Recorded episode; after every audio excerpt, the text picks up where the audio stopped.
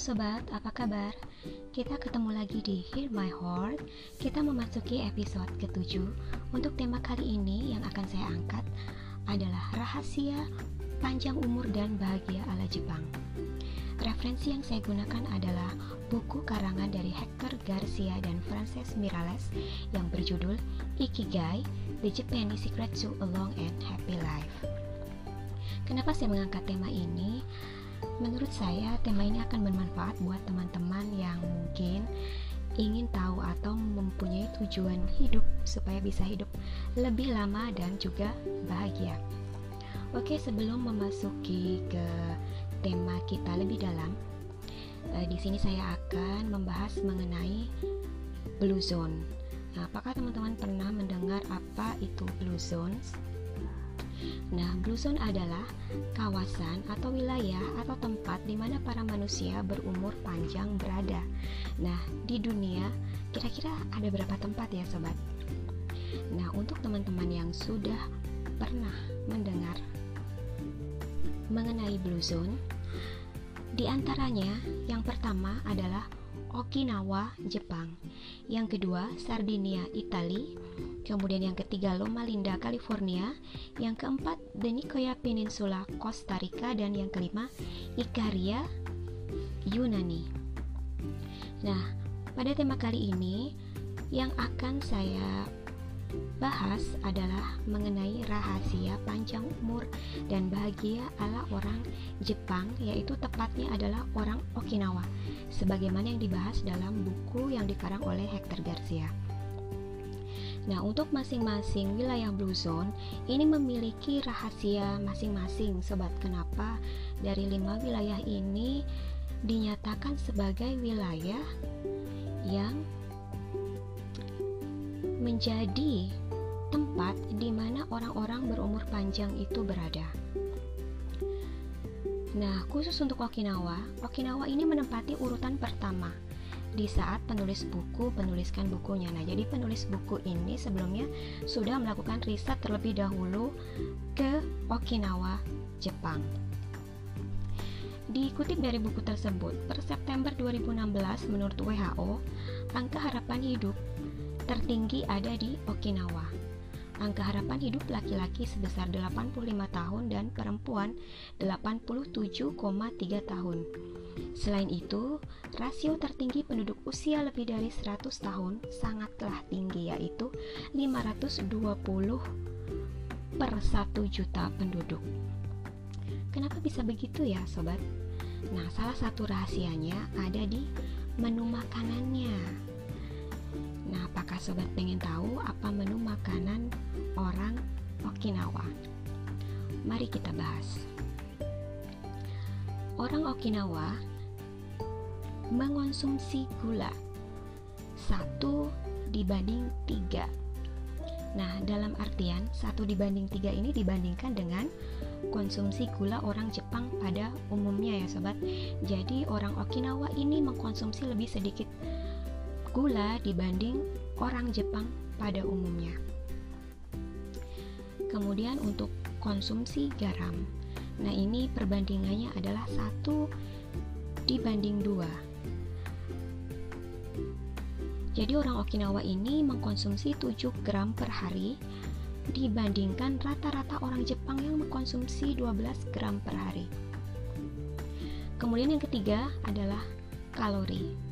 Nah, rata-rata orang Okinawa mengkonsumsi 1785 kalori dibandingkan dengan orang Jepang pada umumnya yang mengkonsumsi sebanyak 2068 kalori.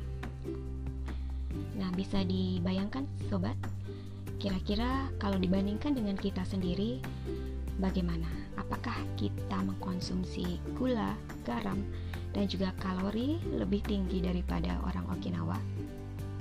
Ataukah sama atau lebih rendah? Nah, kita bisa merenungkan masing-masing daripada pola konsumsi kita.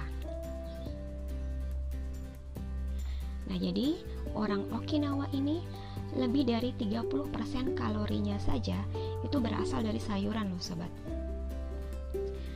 Nah, Coba deh kita bandingkan kembali dengan pola makan kita.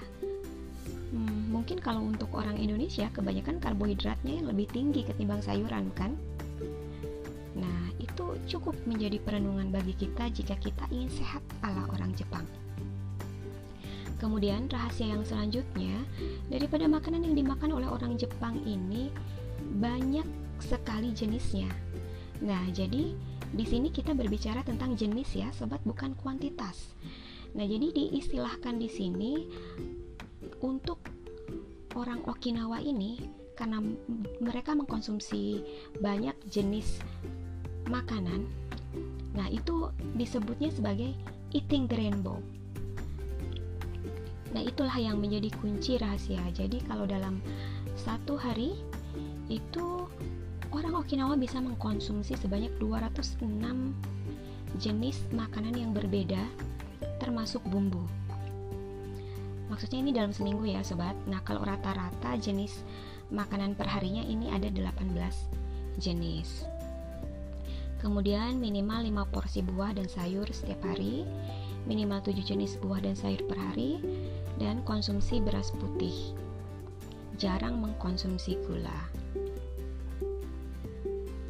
Selain itu, orang Okinawa juga punya prinsip atau peraturan yang disebut hara hachibu, yaitu berhenti makan sebelum kenyang. Dengan peraturan 80% yaitu makan 80% dan sisakan lambung 20%. Mirip sekali kan dengan ajaran muslim, benar nggak sobat? Jadi di buku itu juga dipaparkan alternatif lain dari peraturan 80% adalah dengan puasa satu atau dua hari dalam seminggu. Nah, di dalam Islam kita juga ada puasa, yaitu puasa Senin Senin Kamis ya. Itu kan dua kali dalam satu minggu. Nah, kalau kita renungkan ternyata pola makan mereka itu sejalan dengan pola Muslim. Nah, jadi untuk hara-hacibu ini Tadi saya jelaskan kembali berhenti makan sebelum kenyang, kemudian peraturan 80%,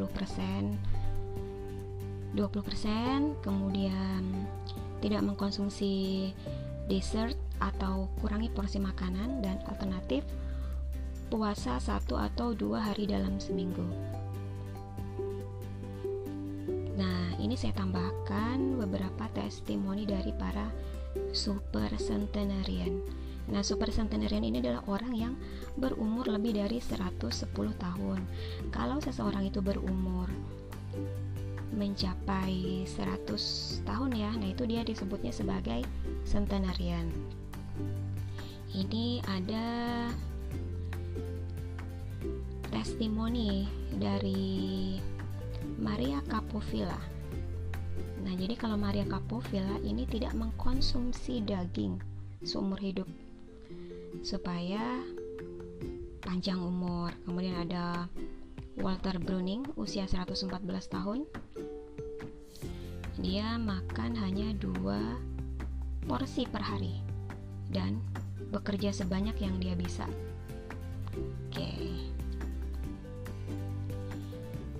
Kemudian ada Misao Okawa usia 117 tahun. Nah, rahasia dia adalah makan sushi, dan tidur. Kemudian Jane Kalman. Ini adalah humor ya. Usianya 122 tahun. Kemudian ada Alexander Image. Ini usia 111 tahun. Rahasia panjang umurnya adalah tidak pernah minum alkohol. Nah, gimana sobat? Kira-kira apakah bisa sobat tidak memakan daging? Oke, mungkin untuk sharing saya kali ini sampai di sini dulu ya sobat. Mungkin kita bisa lanjutkan lagi di tema berikutnya, tentunya di episode berikutnya. Sampai jumpa, bye bye.